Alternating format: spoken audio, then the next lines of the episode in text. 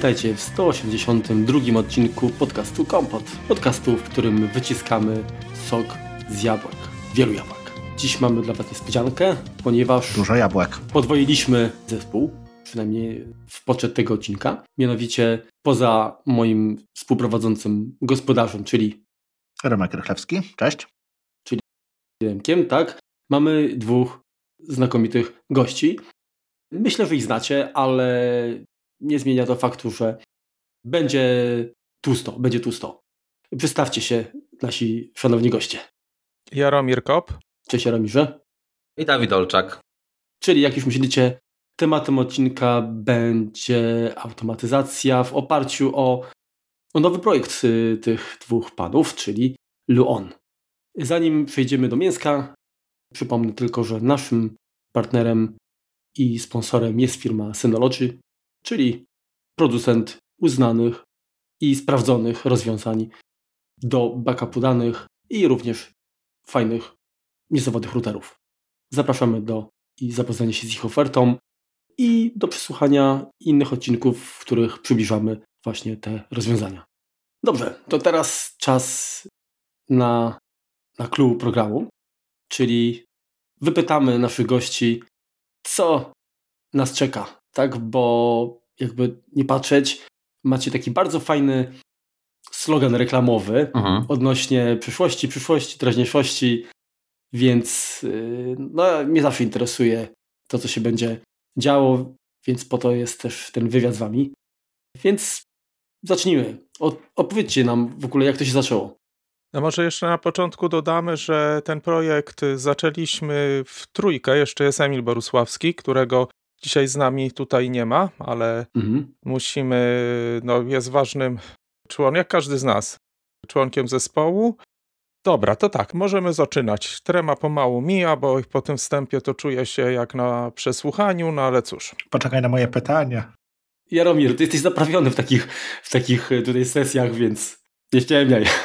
Tak, ale już dawno, dawno nie nagrywaliśmy w sumie podcastu, bo y, jeszcze w sumie nie pamiętam, kiedy y, zaczęliśmy, znaczy skończyliśmy nagrywać swój podcast For HomeKit, który jeszcze, Mhm. którego jeszcze możecie posłuchać. To chyba było, nie wiem, 9-10 miesięcy temu, Jaromir, mniej więcej? Jak nie rok. Jak skończyliśmy i od tamtego, tak, i od tamtego czasu, no tak jakoś nie nagrywaliśmy, więc trzeba było sobie przypomnieć wszystko. No ale przypuszczam, że to, to wasze doświadczenie z podcastu i, i nie tylko zresztą stanowiło solidny fundament pod ten projekt, co? Tak, ale to E, tak, mhm. Nie uprzedzajmy wypadków. Dobrze, tak, oczywiście dobrze. stanowiło su- silny fundament, chociaż y, mamy w naszej praktyce silniejsze fundamenty niż, niż ten. Tak, tak. No a jeśli chodzi o sam projekt, to twoje pytanie brzmiało tak, jak to się zaczęło, Tak. tak? Tak, tak, dokładnie. Okej. To w sumie jest taka dość ciekawa historia, nawet e, ostatnio ją sobie analizowaliśmy z Jaromirem, że, że w sumie całkiem fajnie to wyszło, bo my zaczęliśmy myśleć o jakichkolwiek urządzeniach e, HomeKitowych, o tym, żeby wspólnie coś zrobić już w sumie trochę ponad dwa lata temu mniej więcej. Tak, szukaliśmy jakiejś drogi, w sensie nie, to nie było nic zobowiązującego. Jaromir już od w sumie czterech lat e, tworzy jakieś urządzenia. I tak siedliśmy do tego i zaczęliśmy się zastanawiać, co my tu możemy zrobić. I w pewnym momencie stwierdziliśmy, że no, fajnie by było zrobić coś wspólnego, tylko jakby nie do końca nam pasuje tworzenie takich samodzielnych urządzeń, jak na przykład, nie wiem, robi to e, firma Eve, Mhm.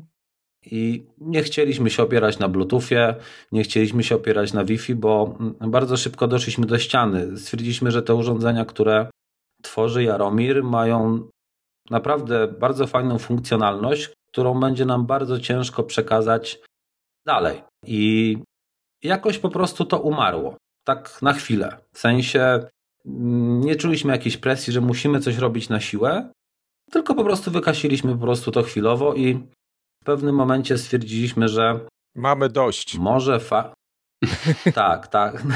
No to prawda, to jest na pewno je- jedna z przyczyn. y, y, Jakby e, dlatego też trochę powstał Luon, bo no, tak jak e, Jaromir wcześniej mówił, mamy też i wy mówiliście, mamy doświadczenie w instalowaniu tych urządzeń. Cały czas się jeszcze tym zajmujemy. I przez te, przez moje ręce głównie przeszło masę, masę różnych urządzeń. I dobrze wiedziałem, co w nich jest fajne, co, co nam się w nich podoba, co się nie podoba. No właściwie miałeś tą unikalną sytuację, że mhm. właściwie wszystko, co jest możliwe na rynku, pewnie co najmniej widziałeś, co najmniej miałeś okazję przetestować, dotknąć. Znaczy, wiesz co, trochę ciężko jest przetestować wszystko, bo urządzeń HomeKitowych w tym momencie jest chyba 700. Mhm. Także na pewno wszystkiego w rękach nie miałem, ale na pewno miałem wiele, wiele urządzeń takich producentów, y, którzy są y, po prostu dostępni na rynku mhm. polskim czy europejskim. Też ściągaliśmy jakieś urządzenia ze Stanów, więc no troszkę przeze mnie przeszło tego. I, i, I właśnie na tej bazie też trochę mm, wyciągnęliśmy jakby do Luona e, ciekawych informacji, czyli co jak, jak powinniśmy zrobić, ale jakby do czego zmierzam. Potem kolejny etap był taki, że już nie pamiętam, który z nas wpadł na ten pomysł, że może fajnie byłoby zrobić jakieś urządzenia e, w oparciu o bazę i z komunikacją przewodową. I pamiętam to w sumie jak wczoraj, jak e, Jaromir to ja może wymyśliłem, albo Emil, już dokładnie nie pamiętam. W każdym razie, jak Romir usłyszał ten, ten pomysł, to przez trzy dni nie mógł spać. Dokładnie. E, I to był jakiś sygnał dla mnie, że, że to jest chyba to, no nie? I, i tak mm, powoli nam się to rozwijało. Wiesz co, to, bo generalnie tutaj może Dawidowi trochę nie jest wygodnie o tym y, mówić, ale no to y, zwłaszcza, że to oni głównie zajmują się instalacjami, jakby wdrożeniami takich systemów, że E, no te, e, te rozwiązania w oparciu o HomeKit mają niezawodność na poziomie 99,9, a czasem nawet niektóre 8 mhm. po przecinku, a my byśmy chcieli tak, żeby były tam przynajmniej z dwie dziewiątki. Mniej więcej rozpracowywaliśmy, na czym polegają problemy. Problemami często bywały, bywały jakby pozaakcesoriowe, czyli no, sieci lokalne, infrastruktura i tak dalej. No tak. Niektóre akcesoria też sprawiały, nie działały tak, jak y, naszym zdaniem y, powinny. I generalnie to się mocno przyczyniło do tego, że zaczęliśmy szukać rozwiązań, które będą pewniejsze, czyli oparte o y, wtedy jeszcze naszym zdaniem, a teraz już jakby to nie jest tylko nasze zdanie, o pewniejsze systemy komunikacji i również chcieliśmy zrobić coś z kablem. Mhm. No dobrze. Jasne. A skąd, e, powiedz, ten pomysł na nazwę firmy, skąd się wziął? Czy to Lu od właśnie od jakiejś bezsenności, czy, czy jakieś inne? To przez Dawida. Nie, znaczy wiesz co, y, znaczy nie, w sumie to przez ciebie tak naprawdę, nie? Ale e, bo jak, jak się poznaliśmy i E, i, i okazało się, że Jaromir jednak tworzy jakieś swoje urządzenia i wymienialiśmy się jakimiś tam informacjami. E, też Jaromir podsyłał mi, mi swoje urządzenia do testów. No i chcąc, nie chcąc, ja te urządzenia rozbierałem i sobie sprawdzałem, jak to wygląda w środku e, i tak dalej. I tam gdzieś zauważyłem, że był podpis LU. Mhm. I, I stwierdziłem już jakby po czasie, że no, skoro robimy coś wspólnie, a jest to tak naprawdę, bazujemy na pomysłach Jaromira, i, i, i pomysłach, pomysłach Jaromira i wiedzy Jaromira, to jednak te urządzenia powinny nazywać się LU. Jak już przerzucamy się tak odpowiedzialnością, mhm. no to ja popchnę piłeczkę dalej. Mhm. Lu to, y, to od Lucyny, tak się, tak swoje obrazy podpisuje moja luba, też Lu na początku. I e, tak to się zaczęło, bo pierwszym takim smart urządzeniem, znaczy to nawet nie było smart, ale nazwijmy to elektronicznym urządzeniem, były lampy, które razem projektowaliśmy. One się nazywały LULED i były jakby całkowicie nie smart, ale całą elektronikę i sterowanie radiowe za pomocą pilota mhm. dawno, dawno temu do nich zrobiłem, takie sobie nazywaliśmy i to już poszło rozpędem. Ja trochę byłem zaskoczony, że akurat Dawidowi się jakby zaakceptował taką nazwę. To też troszkę inaczej, bo to było Luhome u mnie, ale Home to zbyt pospolite przecież teraz w tym e, no, w, w, tego typu urządzeniach i potem wspólnie ten drugi człon wymyśliliśmy. Mhm. A odnośnie, y, no bo ja zastanawiałem się, czy pod literką O, czy to są piszczele, które mają nawiązywać do do y, oznaczeń na słupach elektrycznych? Czy, czy jest jakaś inna geneza? Logo? To są skrzyżowane ścieżki, dlatego Aha. mają takie kropki na końcu. co nie? Ten, co prawda one powinny mieć takie obejście, jak jedna drugą mija, ale mhm. grafik powiedział, że już za dużo roboty i żebyśmy spadali z takim pomysłem. A to tak naprawdę to też troszkę się wywodziło od czaszki. Zresztą na naszej stronie przed, zanim Piraci, kurde. Tak. Coming outu dokonaliśmy, to, no to był, była ikonka z czaszką. Tak, tak, piraci, ładnie, ładnie, dobrze trafiłeś. Tak, no to głównie, głównie chodziło o piratów i to, że jesteśmy jakby przeciwko przeciętności tak naprawdę, bo e, przynajmniej ja, zresztą Jaromir też uważa, że większość urządzeń, a na pewno HomeKitowych, które są na rynku, są urządzeniami przeciętnymi e, i z tego względu, że mm, jakby nie wybrano może złą technologię, tylko że producenci są leniwi. Mhm. Taka jest prawda. Nie? A mhm. my chcemy to zmienić po prostu. Z tego, co pokazujecie na stronie, to, to jest jakby dużo, y, dużo zapowiedzi jakby urządzeń, może jeszcze nie jakichś konkretnych, natomiast y, wychodzi na to, że będzie jakiś tam hub, będą jakieś urządzenia. Mhm. Coś, co wygląda na jakieś, bezpie- na jakieś y, aplikacje, tudzież nawet usługi. Czy macie zamiar z tym wystartować jakoś naraz, czy to będziemy, będziemy mogli coś, coś zobaczyć wcześniej? E, jakie są plany wdrożenia? Jeszcze możecie to zdradzić. Okej. Okay. Znaczy, na pewno, jeśli coś będziemy już pokazywać, czyli chodzi tutaj mi głównie o tą drugą konferencję, która ma się odbyć w czwartym kwartale, mhm. to będziemy pokazywać już wszystko. I nie będziemy dzielić tego już na jakieś kolejne e, sekcje, więc e, na pewno pokażemy aplikację. Mhm. Aplikacja jest tak naprawdę w większości gotowa. Będziemy pokazywać, jak wygląda cały system i co na ten system się dokładnie składa, bo teraz pokazaliśmy tak naprawdę jakiś procent możliwości. Mhm. I będziemy pokazywać też pierwsze urządzenia, które będą kompatybilne z Luonem.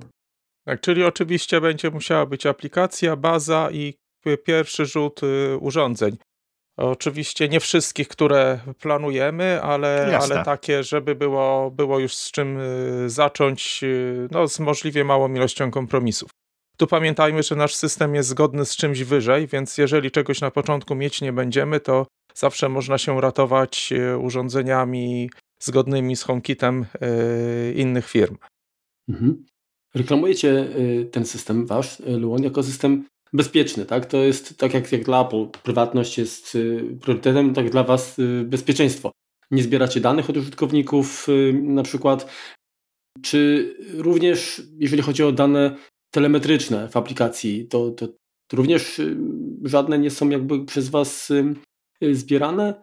Jak, jak generalnie ten system, no bo często jest tak, że próbując rozszerzyć możliwości systemu albo wręcz y, naprawiać ewentualne błędy, no, deweloper musi mieć jakiś feedback, tak? czyli jakieś, jakieś dane y, powinny do, do niego wracać. Bez informacji, z czego korzystają wasi użytkownicy, może być ciężko jakby zareagować. Tak? No, wiadomo, że użytkownik jest leniwy, nie zawsze jakiś wyśle informacja, jakiś to czy opieprzy i nie sprocesuje tego, więc jakiś wbudowany mechanizm taki, który bezpiecznym kanałem mógłby do Was trafić, po to tylko, żeby y, móc udoskonalić, y, pewnie byłby potrzebny.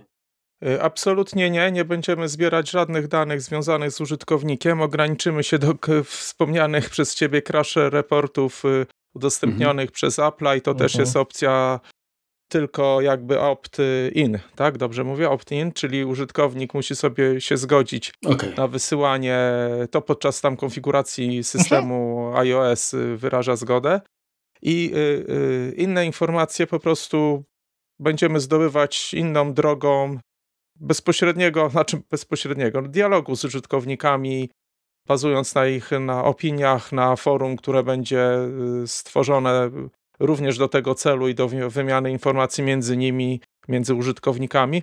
Może jak się zajrzy do App Store'a, to nadal jest sporo aplikacji w te metryczki właśnie dotyczące prywatności, które na, nawet dość poważnych i dużych, które nie zbierają danych albo bardzo minimalną ilość danych, więc można z tym żyć, to znaczy deweloperzy mogą z tym żyć i my nigdy, w ogóle nawet myśmy nie myśleli specjalnie o tym, żeby w, przez aplikację zbierać jakieś, jakieś y, informacje o tym, jak użytkownicy to, to używają.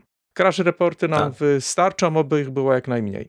Mhm. No tym bardziej, że wiemy tak naprawdę, co chcemy zrobić i wiemy, jak ta aplikacja e, powinna wyglądać. To też w sumie nie jest żadną tajemnicą, że e, jakby inspiracją dla nas jest, jeśli chodzi o prostotę obsługi, aplikacja DOM, bo jeszcze nikomu nie udało się zrobić tak naprawdę prostszej aplikacji. E, do obsługi domu jest przyjazna. Według mnie Apple tak? zrobiło ją za prostą. Znaczy, to tutaj ta prostota graniczy z prymityzmem. Tak, zgodzimy się tak. z tym. To nie, to, to oczywiście to prawda, tylko że my staramy się jakby połączyć te dwa światy. Mianowicie osoba, która będzie jakby mało zaawansowana, jakby nie będziemy jej narzucać tych funkcji zaawansowanych, które będą w systemie. E, może nie, że one będą ukryte, ale odpo odpowiednie osoby z odpowiednią wiedzą będą potrafiły dotrzeć do funkcji zaawansowanych, tak żeby nie zaburzać prostoty i obsługi tego systemu. No oczywiście też y, będziemy sobie bazować tutaj na, na beta testerach, jakby zbierać feedback uh-huh. od nich, jak mówił Jaromir, ale nie zamierzamy śledzić użytkowników jakby z żadnej strony tak naprawdę. Jak jeszcze jesteśmy przy aplikacji, ogólnie przy systemie, to i też nawiązując do tego, co wcześniej mówiliśmy, czyli pewnego zawodu no, działaniem różnych akcesoriów i samego HomeKita również. Na przestrzeni lat i naszych naprawdę dużych doświadczeń, naszych, no, naszych klientów, na osób, które szkolimy, w naszego, naszych grup facebookowych i tak dalej, to to jest potężny pakiet informacji. Po prostu chcemy zwrócić uwagę na to, że jak najwięcej rzeczy planujemy, aby nasz system realizował sam w sobie. Oczywiście z naszymi zgodnymi akcesoriami, ale żeby jak najbardziej był niezależny od sieci zewnętrznej, od samego HomeKita i tak dalej, więc uprzedzając ewentualne dalsze zwroty, denerwujemy się, jak ktoś mówi, na naszą bazę mostek, bo to nie jest mostek, tylko to jest baza. Taka poważna rzecz, która będzie realizowała również automatyzację i, i no, generalnie będzie rządziła systemem, gdy, gdy tylko nie będzie trzeba już korzystać z HomeKita, bo w paru, czy innego w przyszłości Mother systemu, bo są rzeczy, których y, systemy takie, nazwijmy to, no, no, trzeba to powiedzieć wprost, zamknięte, uh-huh. nie mogą y, wykonać. Bardzo wiele firm, które ma takie systemy całościowe, no wiele traci na tym, że nie, nie otwiera się na, na, na coś nadrzędnego, czyli w naszym przypadku na przykład na HomeKita.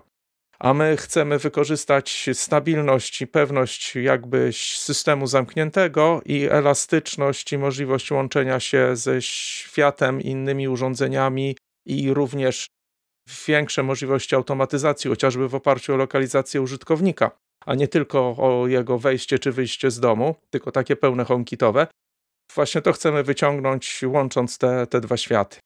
To jeszcze takie pytanie odnośnie tych aplikacji, bo jak rozumiem, yy, yy, może trochę uprzedzam fakty, ale kupując czy inwestując w Waszą bazę, dodatkowe urządzenia, yy, korzystając z Waszych usług, skoro to jest wszystko zgodne z HomeKitem, ktoś posiada jakieś inne mhm. urządzenia zgodne z HomeKitem, to można to zintegrować będzie razem.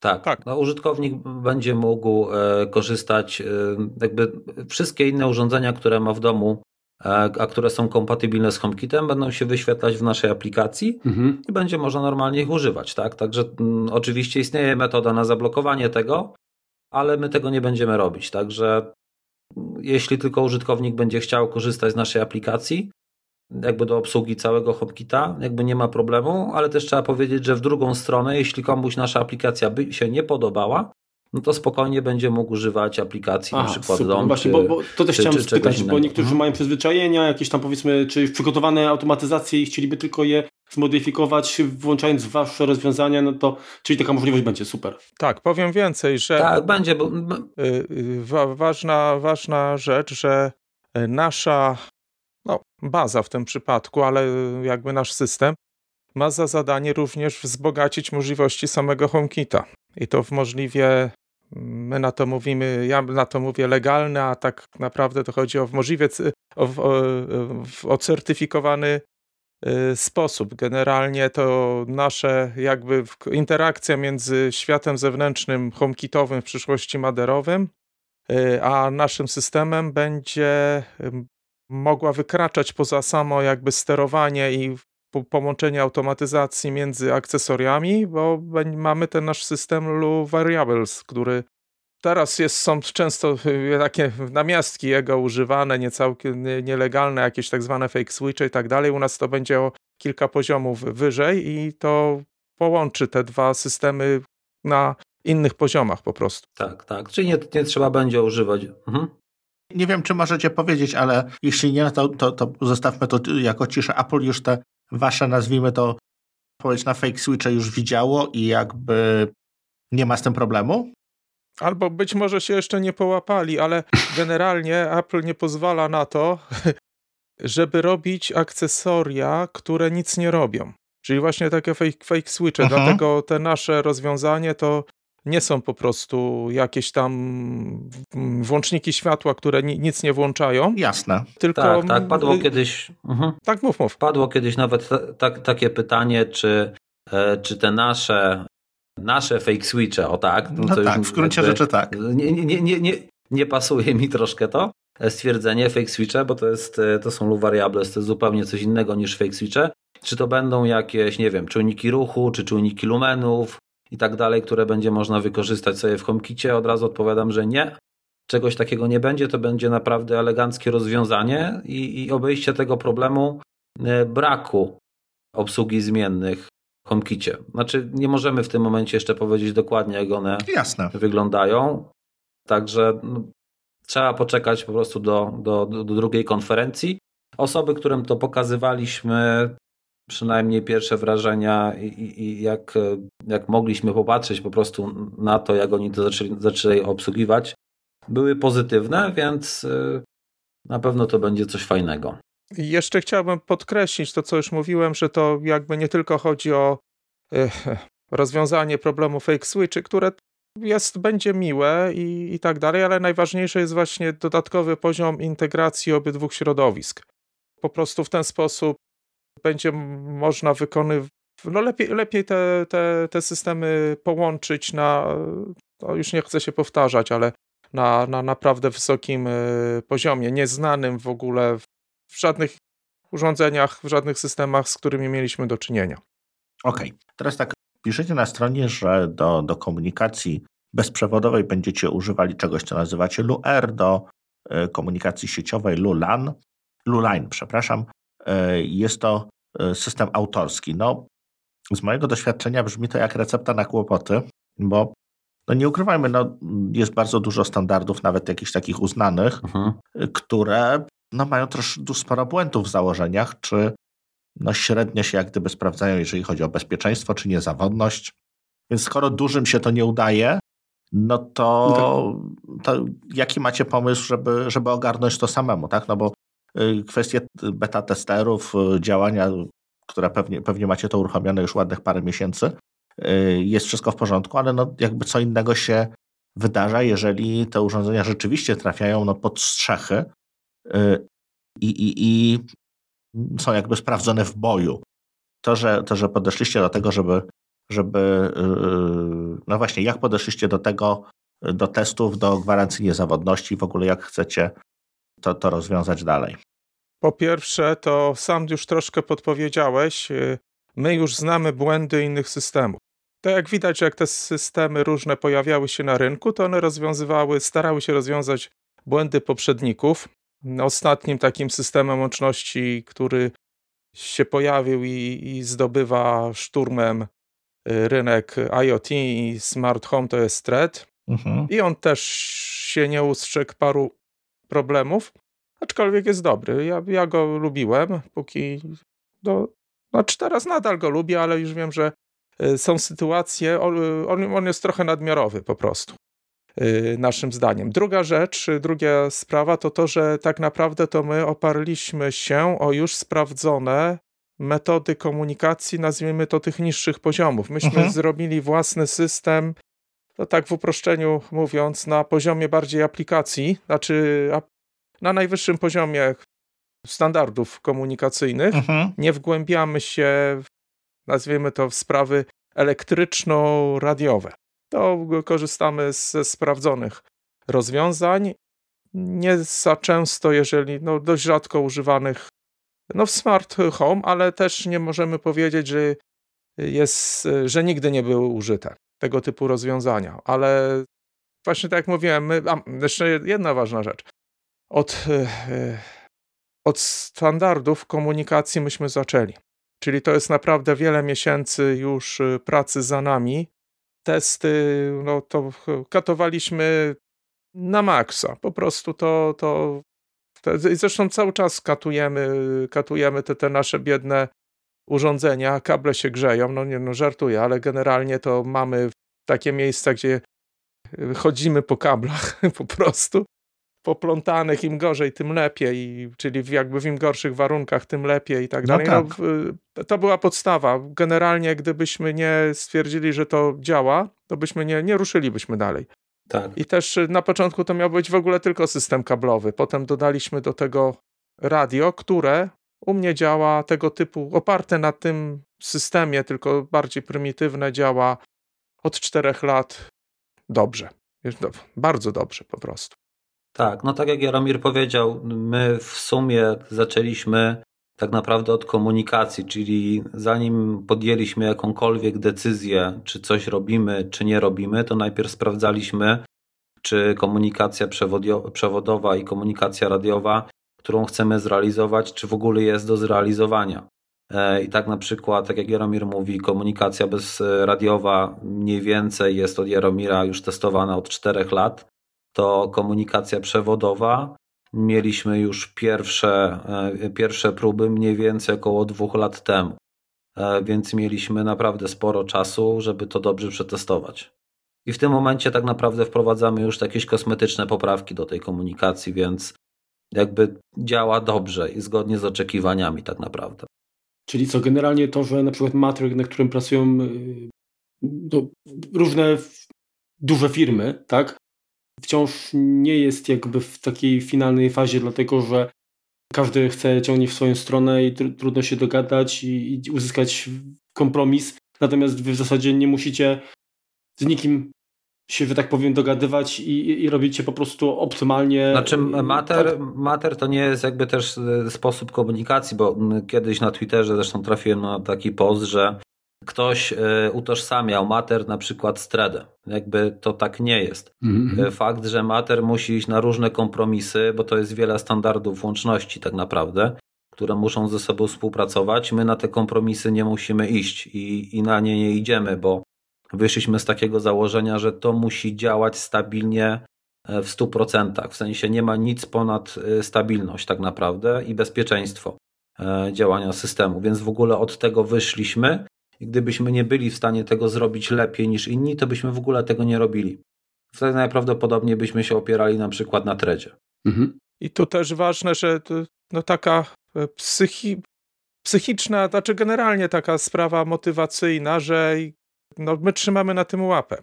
I y, nie chodzi o, y, o to w sensie jakby negatywnym, tylko my odpowiadamy, my możemy szybko nanosić poprawki, nie musimy czekać, aż ktoś coś, y, inne firmy zaakceptują, klepną, sprawdzą, czy to z ich urządzeniami działa. Wszystko robimy sami i my za to odpowiadamy, co też jest oczywiście bardzo ważne. I jak coś jest nie tak, to my będziemy wiedzieli, jak to naprawić. Jeżeli w mhm. przyszłości się coś, no, będą jakieś tam zgrzyty, no, zawsze, zawsze się może coś zdarzyć. No, chociażby dziś tam przedwczorajsza czy wczorajsza awaria wentylatorów w rakiecie Artemis, tak? Podczas napełniania paliwa. NASA też czasem ma wtopy. Mhm. My się nie spodziewamy tak, no, ale kto wie, trzeba być przygotowanym. No dobrze, ale jeżeli chodzi o użyte zabezpieczenia, tak, które y, są jakby podstawą działania waszego systemu też, y, czy planujecie mhm. otworzyć y, ten protokół zabezpieczenia, by inne firmy mogły na przykład zweryfikować jego poprawność? Broń Boże. Czy, czy tworzyć urządzenia zgodne? Nie. Nie, zgodne to co innego. To tak, ale to na licencji. Nie będziemy tego opierać. Znaczy tak, od razu wam powiem, uprzedzając trochę pytania, że nie wy... prochu nie wynajdowaliśmy. AES, XXT, zależnie od T, znaczy XXT, tak, y, zależnie od tego, jakim medium będzie to leciało, czyli uznane sposoby szyfrowania i uwierzytelniania, tylko my nie y, y, z tym nie ma problemu, nie bardzo chcemy pokazać, jak, jak dodatkowo inaczej. Nasz system komunikacji jest mocno powiązany ze sposobem szyfrowania i uwierzytelniania. Nie moglibyśmy pokazać części szyfrowania i uwierzytelniania bez zdradzenia paru fajnych rzeczy, których, y, fajnych pomysłów, których po prostu nie chcemy pokazywać. Czyli takie security by obscurity. Póki co. W gruncie rzeczy. Znaczy, tutaj zacytuję Apple'a, że nasze bezpieczeństwo naszych systemów nie polega na ich tajności, ale. No dlatego systemy Apple'a wbrew pozorom nie mają dużo wspólnego z bezpieczeństwem poza marketingiem, no ale okej, okay, zostawmy to. Nie, nie jest to jakby głównym, głównym tematem. Przejdźmy do Lusketches, bo bardzo mi się to spodobało jako, jako w ogóle pomysł na, na aplikację. No ale właśnie, to będzie aplikacja, serwis www, mhm. E, jak, to, jak to... Nie, bro, broń Boże, żaden serwis www. I to też nie będzie osobna aplikacja.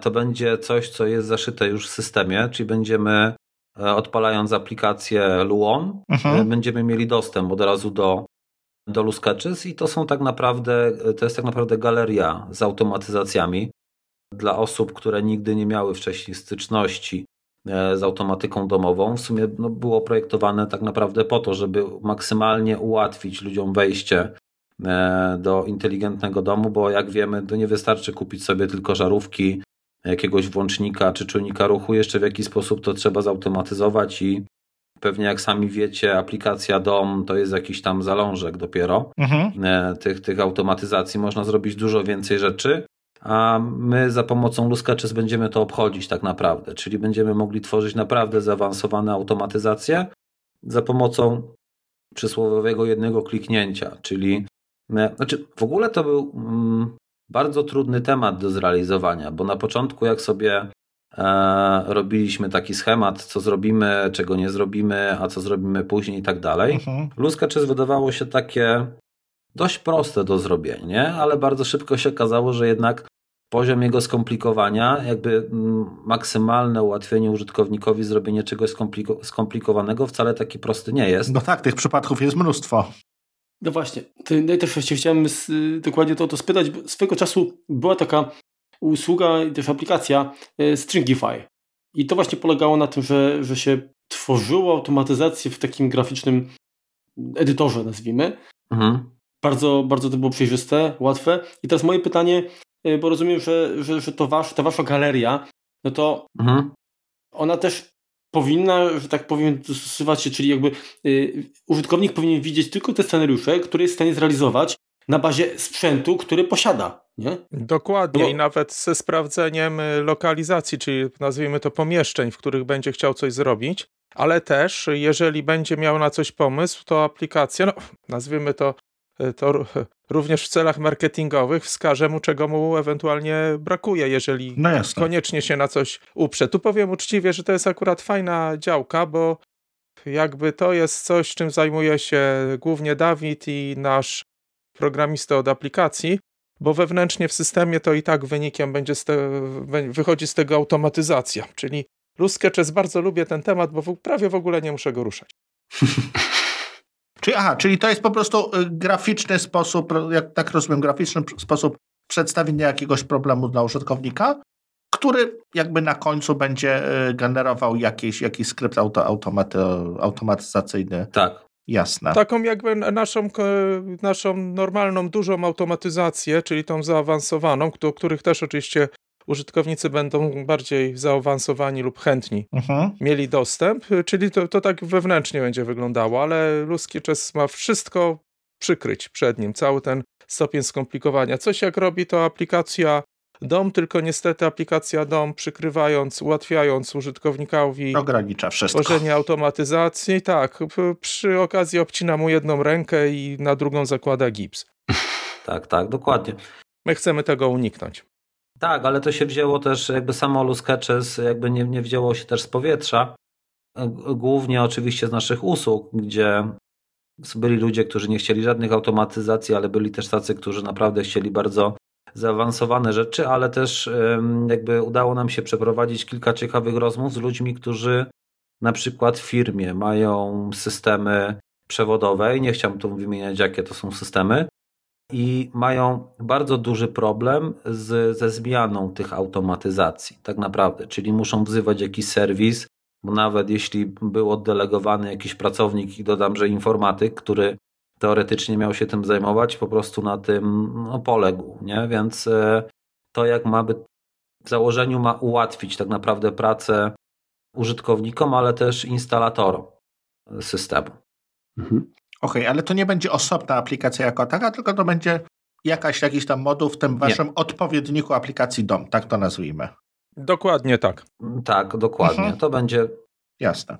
A jeżeli chodzi o Lua Automation, to mamy kilka pytań. Pierwsze to jest, y, na jakim języku programowania w ogóle bazuje tak, to rozwiązanie?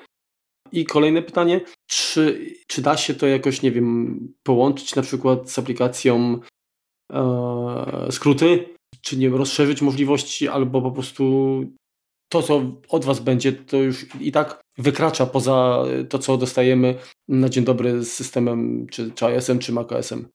Pierwsze pytanie oddaję Dawidowi. Z jakiego języka programowania chcielibyśmy, tak? W sensie? Jakiego... Tak, na czym to będzie bazowało? Tak. Na jakim bazuje, tak. Okej. Okay. To w sensie, może wy mi powiedzcie, jakiego języka programowania chcielibyście nauczyć potencjalnego użytkownika tego, tej aplikacji systemu? Żadnego, no. No, nie chcielibyśmy żadnego chyba, tak? W sensie. No właśnie. Tak, tak, tak. To takie podchwytliwe e, i złośliwe trochę z mojej strony, przepraszam. Nie, w sensie użytkownik nie będzie, musiał się, nie będzie musiał się uczyć żadnego nowego języka programowania i my tak naprawdę tworząc automatyzację chcieliśmy je jak najbardziej uprościć, ale tak, żeby też zaawansowany użytkownik y, mógł się w nich odnaleźć, w sensie, żeby nie były dla niego zbyt proste. Jasne. Więc doszliśmy zgodnie do wniosku, że najlepszą opcją dla nas wszystkich e, będzie bazowanie trochę na skrótach, czyli one będą podobne, będą składały się z bloków.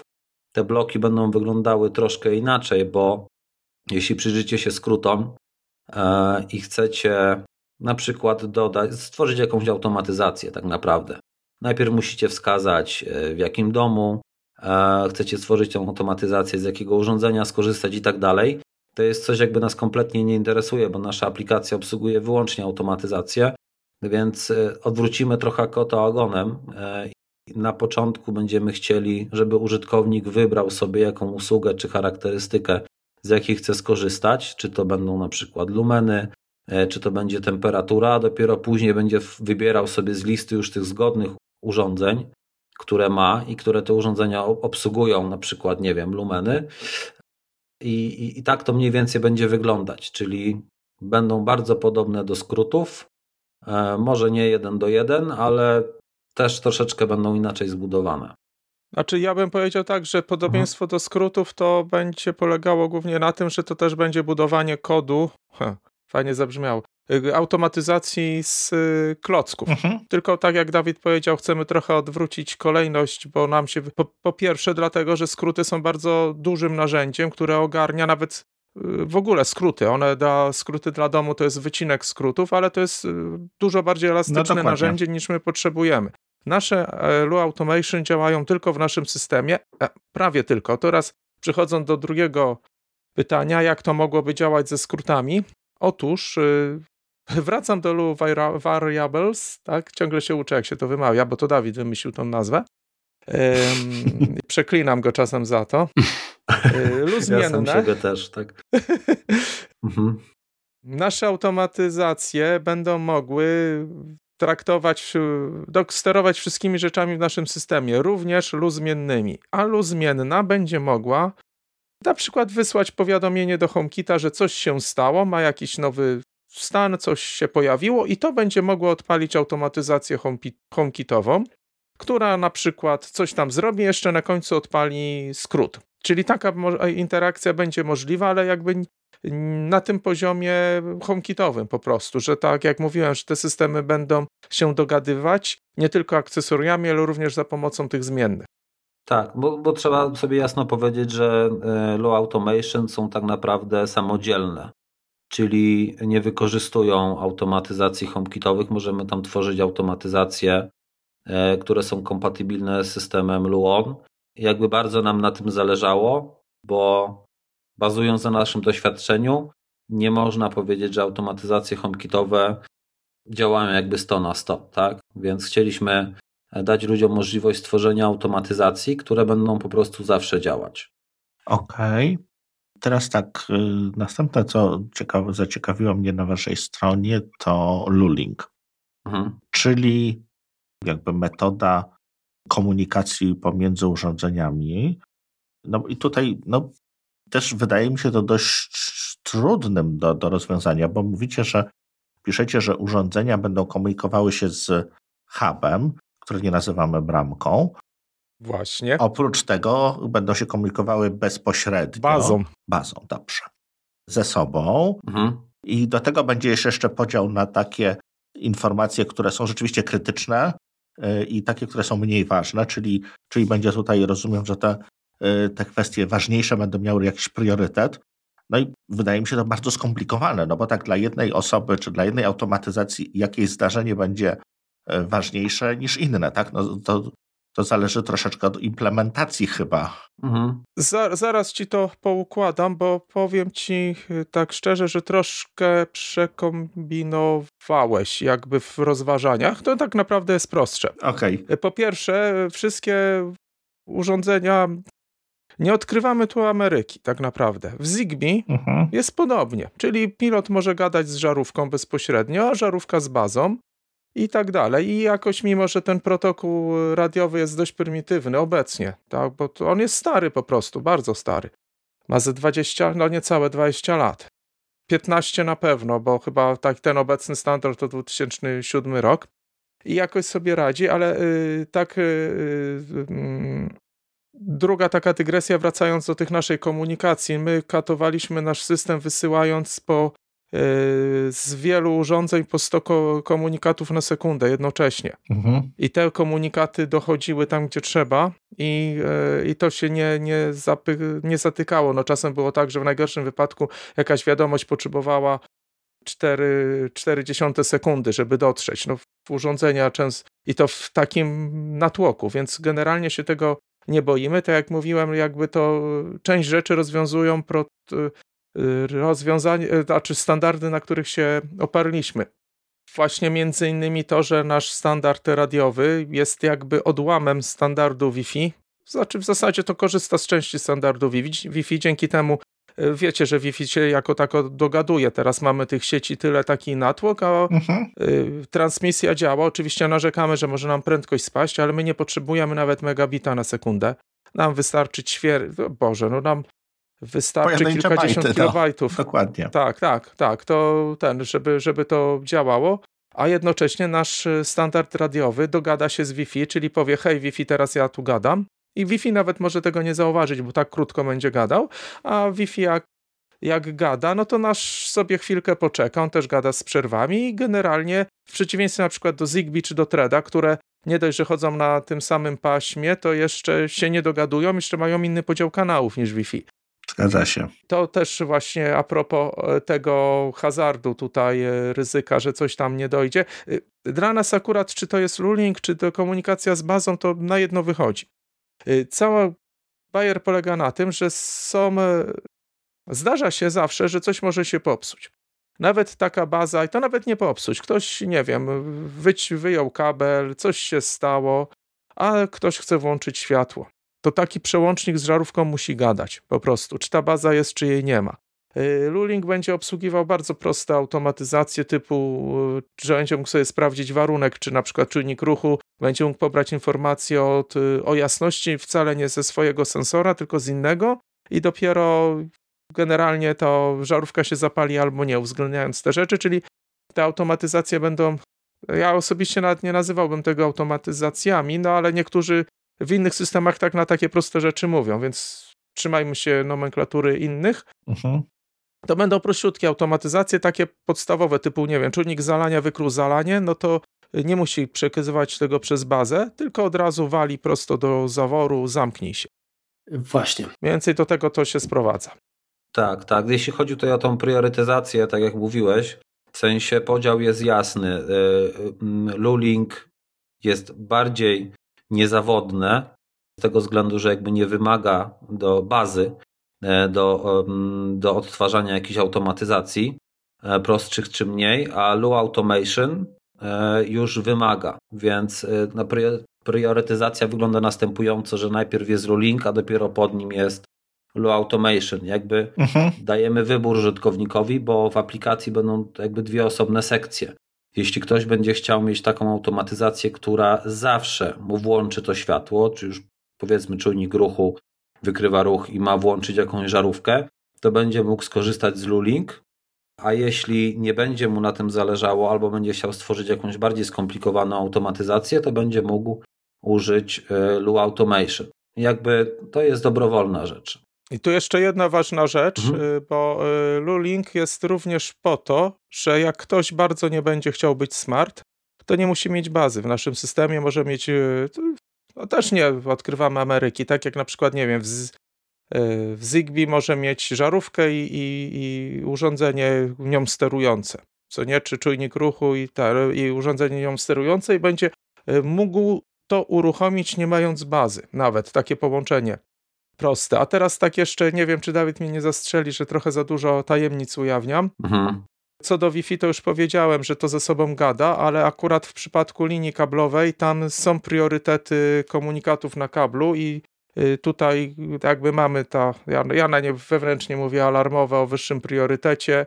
Potwierdzenia też mają wyż, wysoki priorytet nad innymi mniej ważnymi. Ale to jest Ethernet dalej, czy to też coś innego? Nie, nie, nie, nie. To, to, to, jest, y, to jest inne połączenie. Wystarczy jedna para do komunikacji. Jasne, jakieś i kwadratce, jasne. Mhm.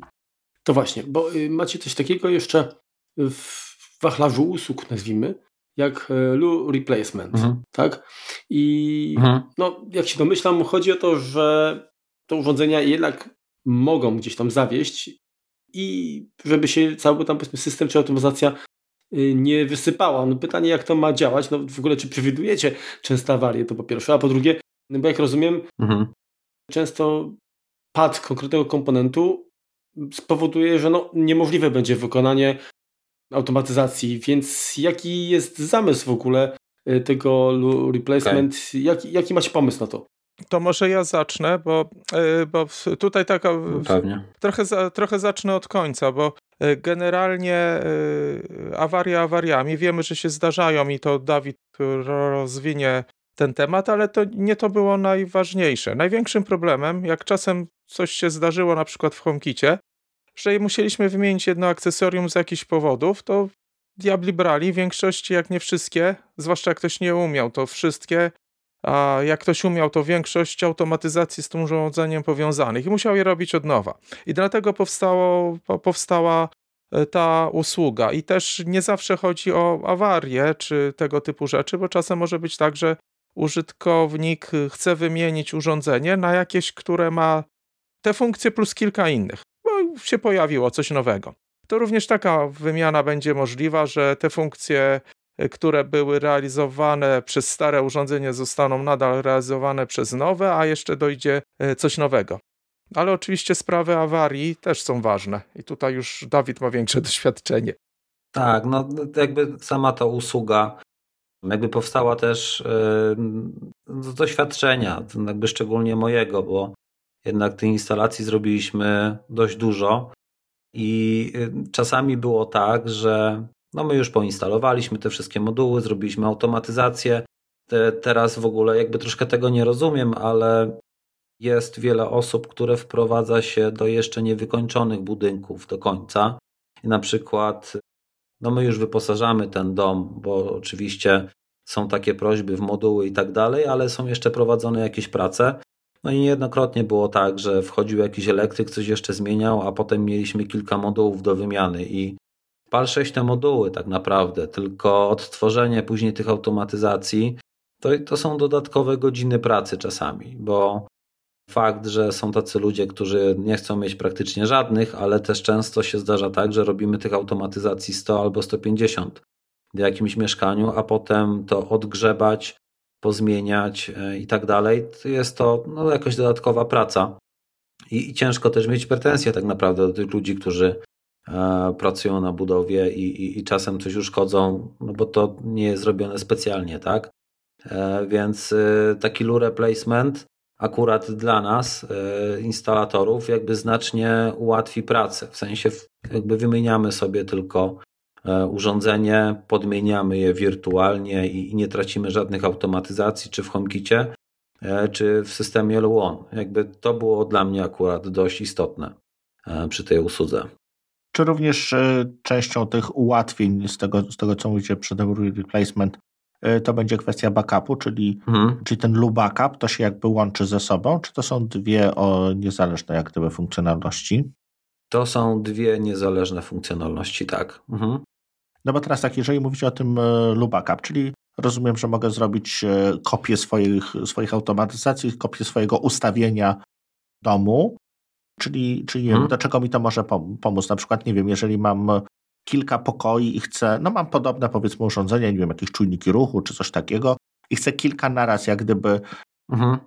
zautomatyzować, znaczy powielić tą automatyzację na, na kilka urządzeń. Czy to mi tutaj pomoże, czy to po prostu będzie taki backup na zasadzie, jeżeli e, dorwie mi się do tego, nie wiem, któryś z synów i zacznie tworzyć jakąś e, własne pomysły na rzeczywistość, to, to po prostu mogę odtworzyć. Jak to, jak to wygląda E, ba bardzo fajną rzecz podpowiedziałeś, bo myśmy akurat twoich synów nie przewidzieli, ale generalnie to będzie też e, lekarstwo na to.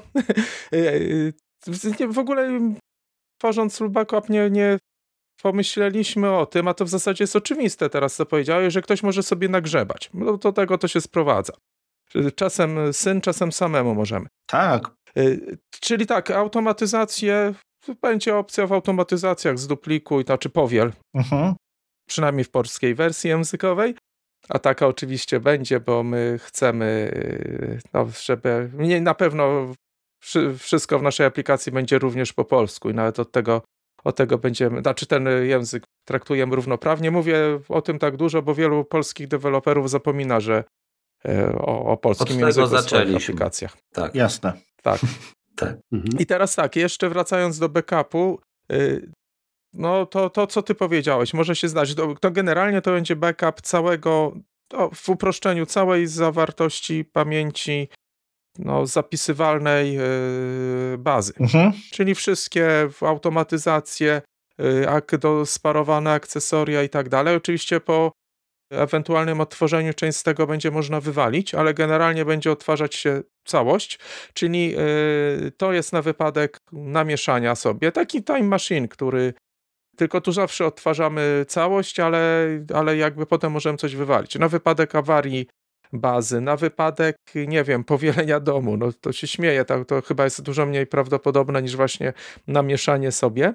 Na tego typu y, przypadłości. I tak od razu zaznaczę, że ta kopia będzie oczywiście szyfrowana i to e, hasłem e, użytkownika i tu będziemy mu bardzo rzucać kłody pod nogi, żeby nie zrobił raz, dwa, trzy, cztery, pięć, sześć mhm. tego hasła, bo w tym e, backupie no, będą też ważne informacje dotyczące to chociażby kluczy szyfrujących do, do urządzeń. Dlatego to musi Jasne. być dobrze zabezpieczona rzecz, no ale nawet, nawet jak nawet jak z pęku kluczu eksportujemy jakieś hasło, to też zabezpieczamy to tylko jakby dodatkowym szyfrującym e, hasłem. Tak. No właśnie, a czy ten loop backup to będzie zamiast, czy obok kopii takiej, która, jak się domyślam, będzie robiła się też do iClouda? Do iClouda nic się nie będzie, nie, nic się nie będzie robiło samo, bo, bo nasz system nie będzie gadał z iCloudem, zresztą nawet by nie mógł. Znaczy mógłby za pomocą aplikacji. Oczywiście aplikacja będzie wykonywała taką kopię systematycznie i ona będzie ją robiła w cudzysłowie do siebie.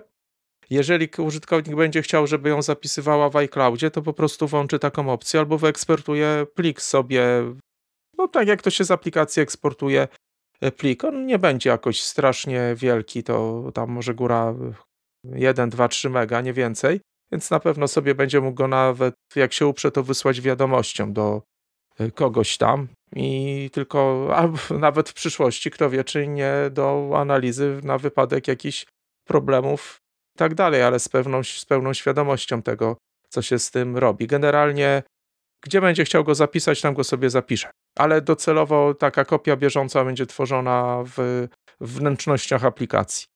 Mhm. Zapewniacie zgodność z HomeKitem, tak? To jest jakby główny taki fundament, bo stwierdzicie, że on jest y, prosty, czyli jakby sama funkcjonalność, sama idea Wam odpowiada, ale jest znowu zbyt mhm. ograniczony, więc ten Wasz system ma dać taką warstwę, która no, wyeliminuje te błędy, które dostrzegliście. Pytanie, mm, no bo tych systemów, których y, mieliście okazję przetestować jest, jest sporo. Czy planujecie wspierać również właśnie inne systemy poza HomeKitem? Nie teraz, ale w przyszłości. Znaczy tak, my generalnie mhm. zajmowaliśmy się tylko i wyłącznie HomeKitem, póki co. Inne systemy nas nie interesowały. Nawet mieliśmy klientów, którzy nie wiedząc o tym, że robimy tylko w cudzysłowie w HomeKicie, mhm. a przychodzili z, do nas y, mając w kieszeniach y, smartfony Samsunga, wychodziło i szło prosto do iSpota kupić iPhone'a. Y, znaczy to tak brzmi śmiesznie, ale przynajmniej jeden taki przypadek miał miejsce.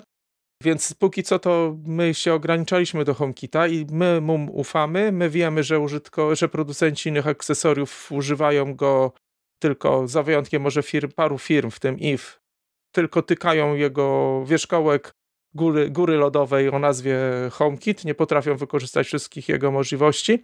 Co do innych systemów, no mamy nadzieję, że w końcu Mader wyjdzie z, ujrzy światło dzienne, potem w miarę szybko wyjdzie z wieku dziecięcego i to jest jedyny system, który planujemy używ używać, żeby się otworzyć na inne systemy. Bo po mhm. prostu przy tym robi Apple, przy, my cały czas śledzimy rozwój tego, dokładnie patrzymy jak to przebiega. Mader ma też parę fajnych zalet, o której o której jedną wam przytoczę, bo po prostu zrobiła na mnie fajne wrażenie, też jest jakby dobra dla naszego systemu, ale tak jak mówiłem, on musi dojrzeć. Na razie HomeKit, Mader otworzy nam drogę na, na, na resztę świata później. Tak, ale trzeba jeszcze pamiętać, że nasz system jest jakby samodzielny. Także możemy tak naprawdę działać bez e, samego HomeKita. Może troszkę zdradzimy, jakby co planujemy na przyszłość, ale w rozwiązaniach biznesowych będziemy chcieli działać jakby na samym Luonie, jakby już bez, kompatybil bez kompatybilności e, z HomeKitem. Mhm. Tam są jakby wymagane troszkę inne funkcjonalności, jeśli o to chodzi. Więc e, no, na pewno będziemy skupiać się na HomeKicie i na własnym systemie.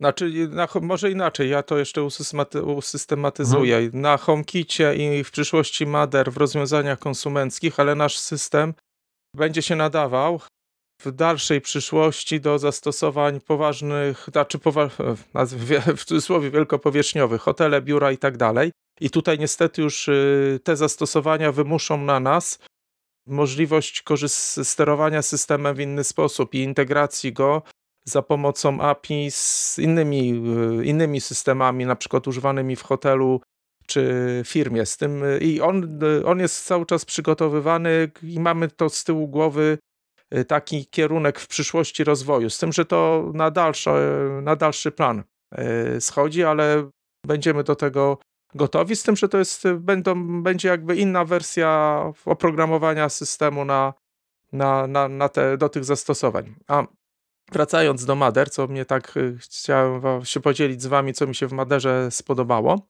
to to, to że Mader Mader to generalnie jest takie Zigbee, tylko bez Zigbee, czyli logicznie Zigbee, ale transportowo to jest Wi-Fi, Ethernet, Thread i kto wie czy nie Bluetooth.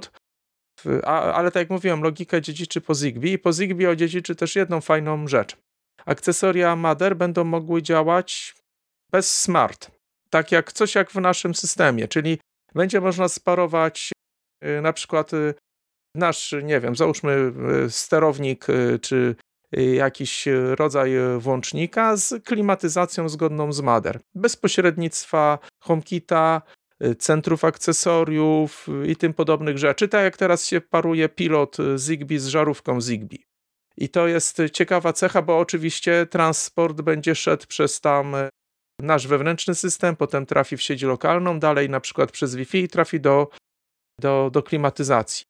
I to, to, to, nam się to, to mi się podoba w Mader, bo generalnie to nie, uh-huh. nie darzę go wielkim e, entuzjazmem, bo tak, e, powiem wam tak, między nami, oni są dużo bardziej pazerni od Apple'a, oni są dużo bardziej skryci od Apple'a, nie, nie dają dokumentacji w ogóle, żeby mieć dostęp do dokumentacji Madera, trzeba, trzeba od razu się do nich zapłacić, zapisać i płacić roczny haracz, dokumentacja Apple'a, no, taka rzadziej aktualizowana, ale jest dostępna publicznie. Biblioteki też Apple podaje. No, Mother daje dostęp do bibliotek publicznie, ale właśnie nie daje do dokumentacji. To trochę e, śmieszne. No ale ma, ma, tak jak mówiłem, ma wiele cech, e, przez które nie możemy go zignorować i, i kiedyś na pewno dam, dodamy zgodność do niego i to w, nie w takiej przyszłości typu liczonej w, e, w, w dziesięcioleciach, ale no jak tylko Mader zacznie działać po prostu. Macie ambitne plany na czwarty kwartał tego roku. Czy wszystko będzie naraz jakby zaprezentowane, czy może już jest jakiś kawałeczek, nie wiem, aplikacji, jakieś demo, coś, co możemy już e, jakby polecić e, słuchaczom? No i ewentualnie, jeśli, jeśli nie, to, to czy coś takiego planujecie w przyszłości, jakby, żeby tą, tą premierę tak troszeczkę rozbić e, w czasie? Znaczy wersję demo, co masz na myśli? W sensie... Mhm. Aplikacji, no coś, żeby, żeby jak gdyby można było pomacać już waszą pracę, tak? Okej. Okay. Ogólnie to wszystkie urządzenia mamy już gotowe tak naprawdę. W wersji mniej lub bardziej rozwiniętej, ale testujemy już naprawdę od, od dawna. Jeśli chodzi o aplikację, no to cały czas y, się pisze. Ona jeszcze nie jest gotowa w 100%, więc y, jeszcze nie możemy pokazać, jak ona będzie wyglądała. Ale mogę tutaj powiedzieć, że beta testy takie na użytkownikach planujemy zacząć mniej więcej za, za dwa miesiące, ale to będą oczywiście no, wśród takich najbliższych osób, którym oczywiście ufamy. I takie testy sobie już, e, w sumie moglibyśmy je zacząć już teraz, tylko ze względu w sumie na, na aplikacje jeszcze ich nie zaczynamy. Wspomniałeś, że tę bazę urządzeń już, już posiadacie, więc e, pytanie, mhm. jakie to są urządzenia, jakie akcesoria, nie wiem, sterowniki, czujniki, co wymyśliliście już, co zamierzacie jeszcze dodać, stworzyć, czy czy obsłużycie również coś, co już funkcjonuje od jakiegoś czasu? Jak to wygląda? Znaczy wiesz co, nie, może, nie możemy powiedzieć na pewno, jakie to będą urządzenia w e, pierwszym rzucie, tak naprawdę, bo e, one mają dość unikatową funkcjonalność i, i jakby nie chcemy dać tej przewagi e, konkurencji. No dobrze, ale mhm. poza sterownikiem wędzarni. nie. Nie, nie będzie dobrze, oficjalnie że przypomni Przypomniałeś, y, może jeszcze zdążę zrobić, ale na razie to jest jedno z nie, niewielu akcesorii, który, o których zapomnieliśmy po prostu. Tak uprzedzając, wiadomo, że nie wystartujemy ze wszystkimi akcesoriami, które planujemy w ogóle zrobić.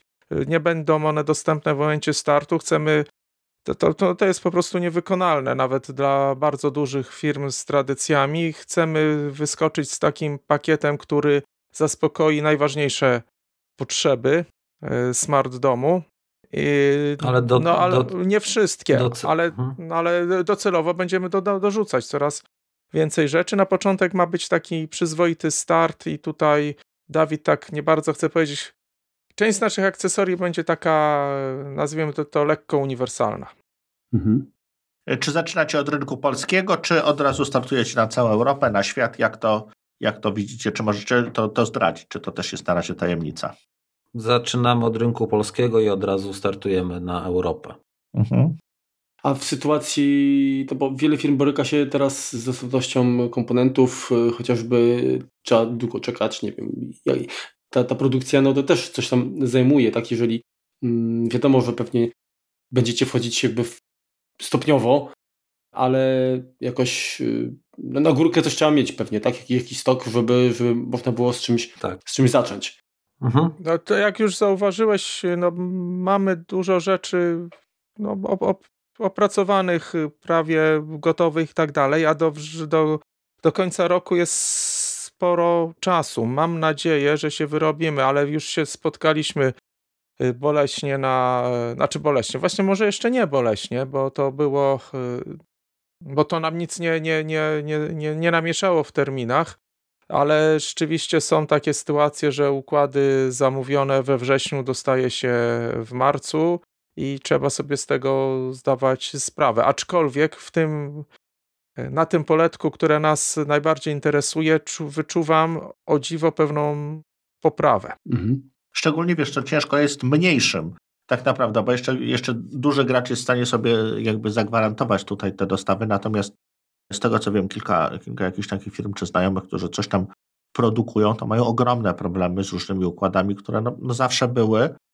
a teraz czasy dostaw są takie, że, że one są powiedzmy tak, tak. teraz widoczne, że na przyszły rok dopiero, że, że to nawet nie tak, jak, nie tak jak mówisz, że trzeba tam kilka miesięcy poczekać, tylko, tylko to są już kilkanaście, kilkadziesiąt miesięcy często. Normalnie jakby się w NFZ zamawiało. Tak, dlatego... dlatego Jedna firma już nas straszyła, tak, że no, układy zamówione w styczniu które miały być y, w marcu, y, napisali, że będą, tak, w marcu, ale przyszłego roku, a ostatnio przyszedł od nich maj, że jednak będą w kwietniu tego roku.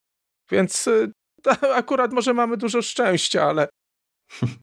Nie, zamawiamy te rzeczy odpowiednio wcześnie, znając sobie z tego sprawę, że, że tych rzeczy po prostu może nie być, albo będzie jakiś tam problem z dostępnością według mnie nie, nie, nie, był to jakby największy problem, w sensie jeśli mówimy już o jakichś tam małych firmach albo o firmach, które zaczynają, na pewno znalezienie odpowiednich komponentów, e, i tu nie chciałbym dokładnie wymieniać jakich. Jasne.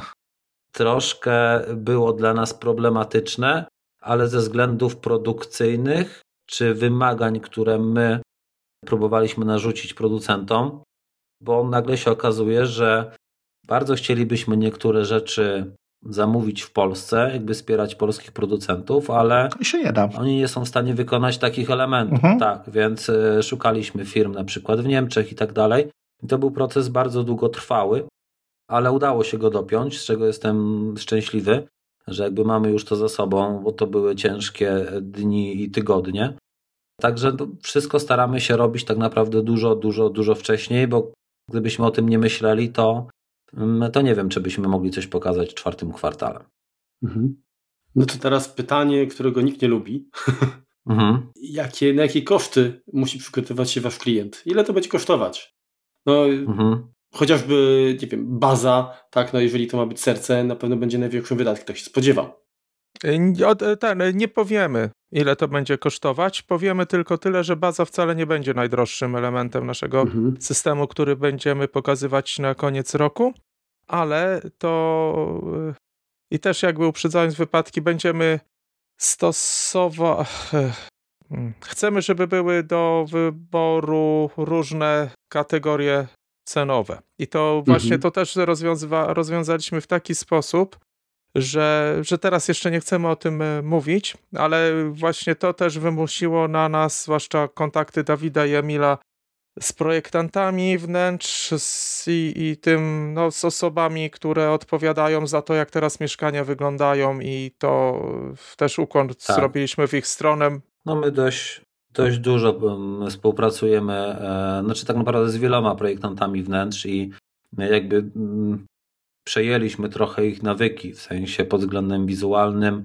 Wiemy, jakie mają oczekiwania. Są to czasami bardzo trudne rzeczy do zrealizowania, e, więc chcieli, chcieliśmy zaspokoić jakby też ich wymagania, zdając sobie sprawę z tego, że jednak e, normalny konsument, e, czy taki człowiek jak my, nie jest w stanie wydać kilkuset złotych za jakiś tam produkt, który można kupić e, w regularnej cenie, na przykład powiedzmy po 200, tylko troszeczkę innym wykończeniem.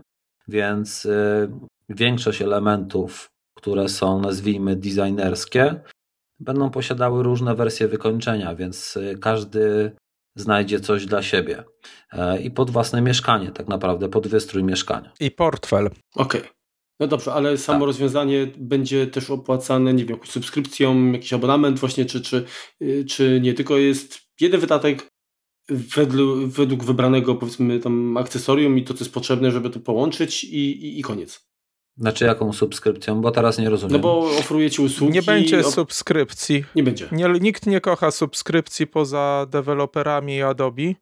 Nie czyń drugiemu, co tobie niemiłe. Mhm. Więc być może, jeżeli kiedyś wprowadzimy pewną usługę, o której, bo generalnie tutaj używaliście często z określeń usługa, my jakby to, co mamy teraz, to wolimy to nazywać funkcjami, no bo usługa to jest coś, co się właśnie kojarzy y, często, no, no może też jednorazowo, ale bardziej jakby z czymś ala abonament. Aha. Jeżeli w przyszłości wprowadzimy pewną usługę, którą mamy na myśli i ona będzie wymagała tak jak też zauważyliście, my nie mamy, nie chcemy mieć żadnych własnych serwerów, żadnych własnych y, chmur i tak dalej, bo się tego, brzydzimy się tym rozwiązaniem po prostu. A to znaczy ja się brzydzę, ale y, raczej reszta zespołu podziela moje poglądy, tylko może tak dosadnie tego nie nazywa, więc nie będziemy mieli takich stałych obciążeń. Ja uważam, że jeżeli płacić za coś abonament, to tylko coś, co stale obciąża no, dewelopera czy wydawcy danej, danej usługi czy systemu.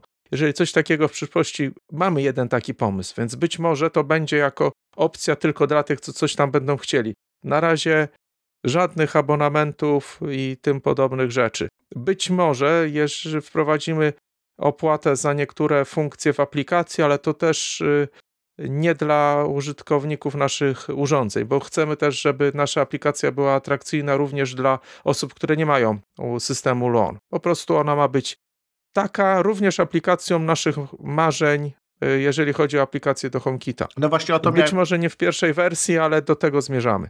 No właśnie o to miałem pytać, mhm. czy aplikacja będzie darmowa? Tak. Tak. Tak, będzie darmowa. System Bluon też będzie darmowy. Zresztą widać jakieś takie zakusy różnych producentów, którzy już teraz mi wypadła akurat firma z głowy, e, jak się nazywała, ale ona akurat miała swoją bazę.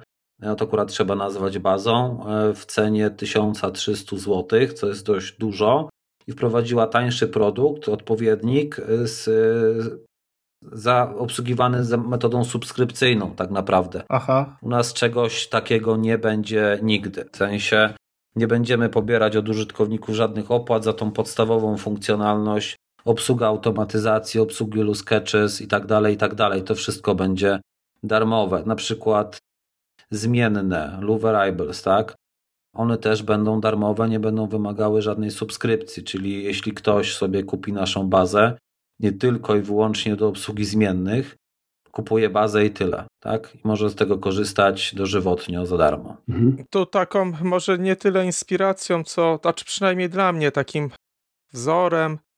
Ech, bardzo lubię e, firmę IF za to, że potrafi, że działa tak jak my będziemy działać wyłącznie HomeKitowo. Nie ma, nie kłania się przed żadnym innym systemem. Drugie, że ich aplikacja darmowa jest dla wszystkich i też często używają ją użytkow... nie użytkownicy system, urządzeń IF, tylko inni, innych urządzeń.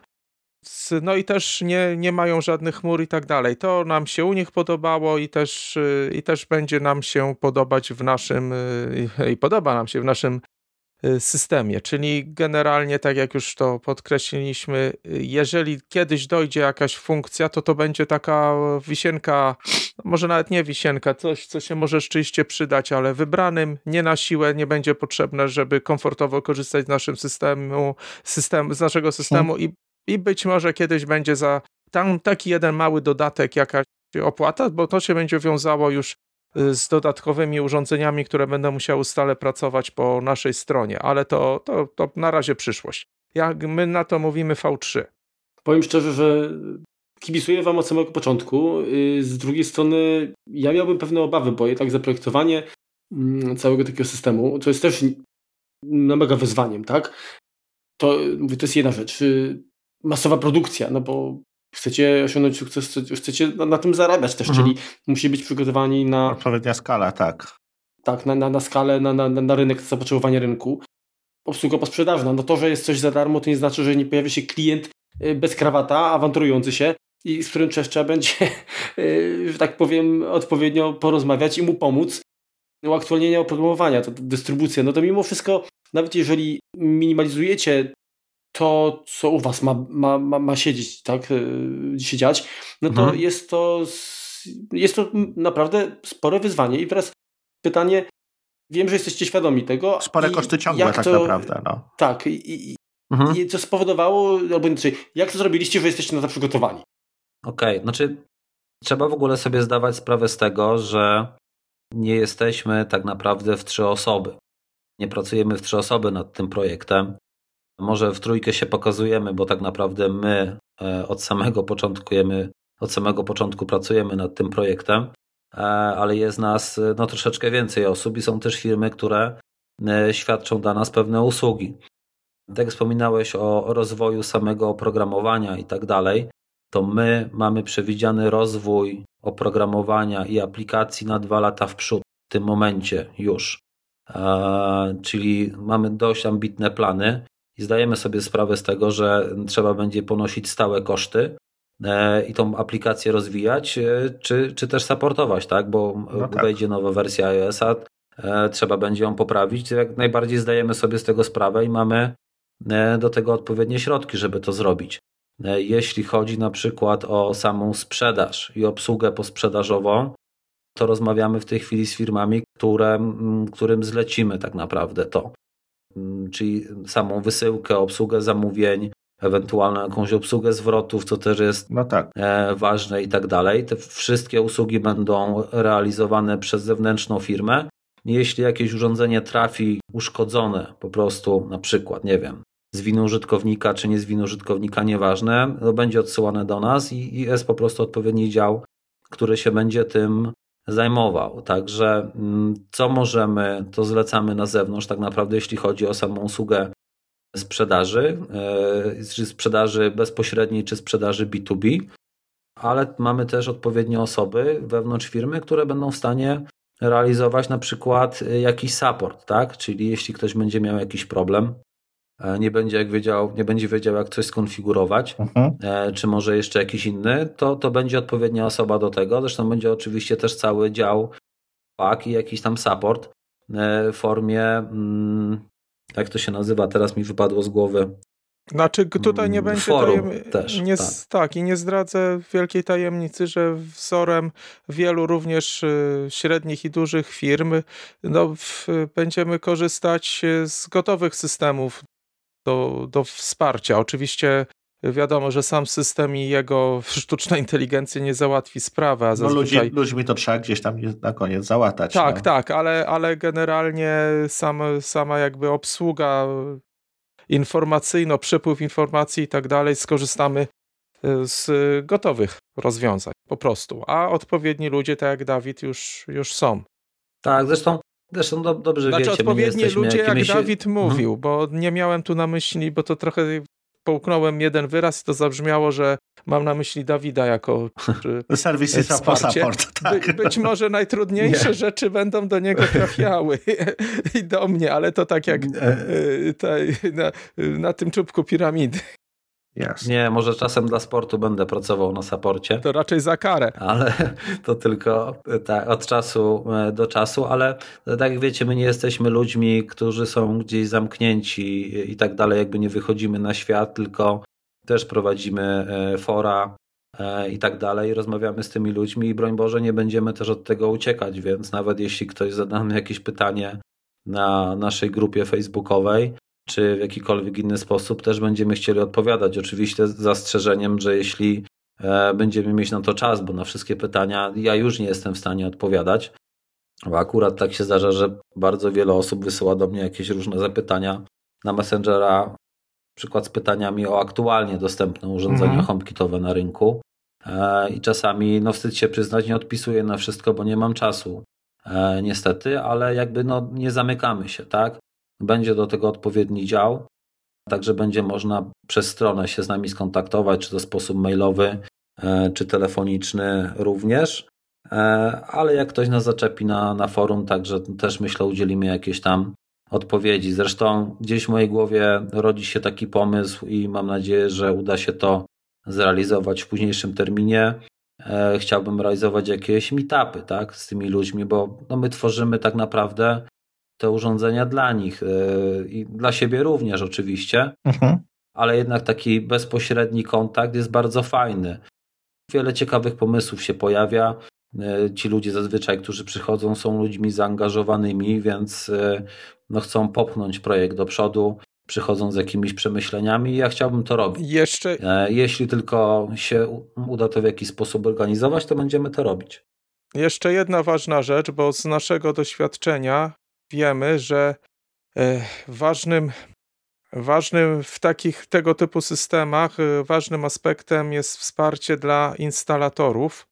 I my też e, będziemy chcieli mieć przygotowane informacje, nawet szkolenia dla osób, które będą zainteresowane, dla firm czy osób instalowo używaniem naszego systemu w instalacjach. Jak to jest ważne, to wiemy, no, no wiemy po prostu po sobie, po tych usługach, które przez y, dwa lata świadczymy. No, głównie Dawid mnie zazwyczaj tylko w rezerwie, zawsze trzymali w rezerwie, tylko w sytuacjach największego natłoku. Do najtrudniejszych tematów zostałeś tam od, oddelegowany. Znaczy nawet nie to, nie, tak naprawdę tak trzeba było te kable wciskać i już nikomu się nie chciała, a inwestycja była ogromna i trzy osoby nie dawały radę, no to mnie ściągali. Jasne. Potem wracałem pokaleczony, ale to na, na szczęście to teraz już mnie bardziej oszczędzają, ale generalnie wiemy, że takie systemy jak nasz, to aż się proszą o instalatorów. Też to brak systemu zgodnego z HomeKitem, przeznaczonego dla instalatorów, był jedną z inspiracji tego, co nowych stanął u podstaw tego, co teraz robimy. Po prostu coś, co będzie y, przyjazne dla instalatora i będzie również zgodne z czymś, mm, nie tylko z samym sobą, bo takich systemów, no nazwijmy je po imieniu, Lux, no ja ciągle nazwy mylę, dlatego Greenton czy tym podobne, to są systemy zamknięte, y, lub, lubiane albo dobrze, dobrze wciskane instalatorom, y, i z, ale, ale właśnie zamknięte, a, nasz, a, a nie ma takiego systemu, który by działał z czymś więcej niż tylko z własną aplikacją. I to, tą lukę również chcieliśmy, chcemy wypełnić. To wam ewentualnie sprzedam takiego tipa, możecie skorzystać, możecie nie skorzystać. Mhm. To się długo dzieje. Miałem kiedyś to troszeczkę przez osmozę, nie bezpośrednio, natomiast byłem przy tym y, kontakt z rynkiem instalatorów, ale instalatorów alarmów samochodowych. Więc no to podobny, podobny jak gdyby problem, może, może skala, skala niższa. I no oczywiście tych firm produkujących alarmy samochodowe było wówczas w Polsce bardzo, bardzo, bardzo dużo, ponieważ i kwestia tych samochodów y, ginięcia była bardzo ważna. Mhm. I nic tak nie wpływało dobrze na sprzedaż danego rozwiązania, jak umieszczenie w pudełku z e, alarmem banknotu 100 złotowego. Dobra, dzięki za tip. no dobrze. Ja myślę, że was mocno tutaj przeciągnęliśmy, ale jestem, że tak powiem, zadowolony, bo właściwie uzyskaliśmy od was odpowiedzi na, na wszystko, co nas interesowało. A jak to coś jeszcze wyjdzie, to pewnie pociśniemy przy innej okazji. No pewnie jak będzie po premierze, myślę, że myślę, że jakiś test, to pewno, czy, tak. czy również, e, również zapiszcie sobie gdzieś tam nas już wtedy w bardzo, w bardzo napiętym ka kalendarzu. No możliwe, że będziemy się też kontaktować trochę wcześniej, bo jak nas tutaj już tak wymęczyliście, to jest szansa, że może tak. macie zadatki na dobrych męczycieli beta testerów. Okej, okay, fajnie. Nie, nie, nie, nie wiesz, jakie ryzyko stoi teraz. Jesteśmy Ale nie bardzo chętnie. w stanie się go podjąć. No to teraz tak, y, czy jeszcze coś jakby poza mm, tutaj tym, co do tej pory chcielibyście, nie wiem, dodać od siebie? To może... Trzymajcie za nas kciuki, po prostu. No, Trzymajcie no, za nas kciuki, bo każde wsparcie, mo również y, nazwijmy to moralne, jest ważne, no bo to jest, to jest olbrzymie przedsięwzięcie i tak jak to zawsze żartuję, jak za coś się biorę, coś robię, potem już się pomału, no my już jesteśmy bliżej końca, już tak naprawdę. Jak już się zbliżam do końca i tak spojrzę wstecz i myślę sobie, kurde, gdybym na początku wiedział, co mnie czeka, to bym za cholera tego nie ruszył. Na szczęście jesteśmy już na tym etapie, że możemy tak spojrzeć i to powiedzieć jakby z uśmiechem, że ha, ha, ha no dobrze, żeśmy na początku nie wiedzieli. Ale wiesz co, najgorsze jest to jeszcze, że jesteś, jesteśmy jeszcze na tyle no, no, głupi, tak, jako, jako ludzie, że nie uczymy się na błędach, bo jak to skończysz, to zaczniesz drugą rzecz robić, która będzie jeszcze trudniejsza. tak, tak, tak, dokładnie. No. Trafnie pan to ujął. Z drugiej strony chyba sam Łos mówił, że nie osiągnąłby tego, tych wszystkich rzeczy, które osiągnął, gdyby się zastanawiał na to, czy się to da zrobić, czy się nie da. No, wszystko się da zrobić, nie? Także tak, to no, też jest ładne podsumowanie. My podjęliśmy rękawice i stwierdziliśmy, że to zrobimy, chociaż Kilka osób e, oczywiście w pozytywny sposób powiedziało nam, że robimy coś szalonego. I to była prawda, nie? Bo patrząc na skalę tak naprawdę, z, czego, z czym się mierzyliśmy, to jest, jak, jak Jaromir mówił, ogromne przedsięwzięcie, ale nie jest nie do zrealizowania, tak? Jak widać, więc, e, więc trzeba próbować, nie? I to jest tak naprawdę, myślę, rada dla wszystkich, e, że jeśli chcemy coś bardzo zrobić, to możemy to zrobić. No. I żeby się nie poddawać. Tak, a w, a, a w dodatku moja wiedza zdobyta przez cztery, znaczy, no jakby cztery lata od teraz licząc, ale znacznie wcześniej, to bardzo nie, chciał, nie chciałem, żeby się zmarnowała. Jeszcze jest jeden aspekt taki śmieszny. Ja już mam trochę lat i tak sobie zawsze myślę, że e, autor Amigi miał e, powyżej 50, gdy ją robił, więc akurat to jest bardzo dobry moment mhm. w moim, jakby dla mnie, mój wiek, żeby zrobić coś e, fajnego. No i tak, i tak to traktuję, że to mam nadzieję, że to będzie coś fajnego nie tylko dla mnie, ale Większy i dla, sukces niż Amiga. dla użytkowników. Mm. No, tego wam e, Znaczy chciałbym dłużej pożyć niż autor Amigi, bo on chyba tam 60 dożył, czy tam 65. Tak, tak. Nie zapomniałem J-Miner. Dobrze, no teraz tak, to... y, szybciutko będzie może y, jeszcze, dziękujemy wam y, bardzo za, za opowiedzenie. Musimy troszeczkę teraz jeszcze naszych rzeczy takich organizacyjnych, przede wszystkim bardzo szybciutko dzięki dla Marcina Lisa i i Michała z Magatki za, za podpowiedzenie nam, że popełniliśmy gafę, jeśli chodzi o e, odcinek 179. Znaczy no, a ja cię potem pociągnąłem. No dobrze, biorę to też na siebie. Jeśli chodzi o stadie, można grać w gry, które się u nich kupiło bez abonamentu. Tutaj bijemy się w pierś. E, no nie wszystko się udaje sprawdzić, szczególnie jak ten abonament jeszcze działa. No, dokładnie. A teraz czas na, na tip. E, odcinka, jak, za, jak zawsze związany z Synology. E, tym razem chciałbym Wam przybliżyć taką, takie zdarzenie, które na pewno większość słuchaczy i słuchaczek kojarzy. Przystanek Woodstock, tak? Czyli ostatnio to, od, od, jakiegoś czasu tak to się nazywa Poland Rock. Bardzo ładna nazwa. Mhm. Funkcjonuje to od 1995 roku, kupę czasu. I jak się okazuje, edycja 24, czyli ta, która odbyła się w 2018 roku, była wspierana właśnie przez Synology, y, które dostarczyło jako wyposażenie dla fotografów obsługujących y, ten, ten koncert swoje rozwiązania. I tutaj były wykorzystywane dwa routery RT2600AC oraz NAS DiskStation 918 czyli, czyli to, ma nieduży sprzęt, taki konsumencki właściwie. Dokładnie, aczkolwiek no, to był na, najświeższy na tamten czas, tak? Jeżeli chodzi tutaj o, o, o tę rodzinę. Były tam cztery dyski, 10 terabajtowe i tak dalej. Generalnie fajna sprawa, jak, jak widać udało się to obsłużyć, sprawdził się ten sprzęt tam. Podlinkujemy zresztą taki case study, z którego można dowiedzieć się bardzo fajnych rzeczy. Jest, jest też filmik. Dużo cyferek. Ciekawe, tak, tak, także. Robiących wrażenie. Tak, jak to Remek zawsze mówi, cyfrkowe porno, ale nie, to, to robi wrażenie. Robi naprawdę wrażenie, więc yy, jak widać, nawet do takich dużych projektów małe rozwiązania, to nie musi być armata na muchę wcale, tak? Sprawdzają się no wyśmienicie. Także szacun i liczymy na to, że, że to nie będzie jedyna yy, edycja tutaj wspierana przez Synology. No oni są od wielu lat blisko współpracują, z, tylko że tutaj był konkretnie, konkretnie sprzęt i, i konkretnie to case study, do którego możemy mhm. Wam podlinkować.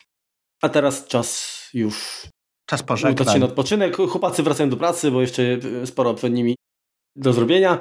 Dokładnie. Dziękujemy Wam, Jaromir i, i, i, i Dawid, za to, że zechcieliście e, nas odwiedzić i przede wszystkim, że znaleźliście czas na to, żeby z nami Dziękujemy za tutaj nagrać. Tak, dziękujemy na pewno jak już wszystko stanie się ciałem, tak? Parafrazując tutaj klasyka, to na pewno chcemy Was jeszcze tutaj zaprosić i, i, i usłyszeć, no, co udało się osiągnąć.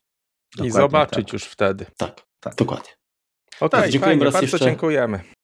No to co, trzymajcie się wszyscy i do usłyszenia za tydzień. Na razie. Do cześć. usłyszenia. Cześć, cześć. Cześć.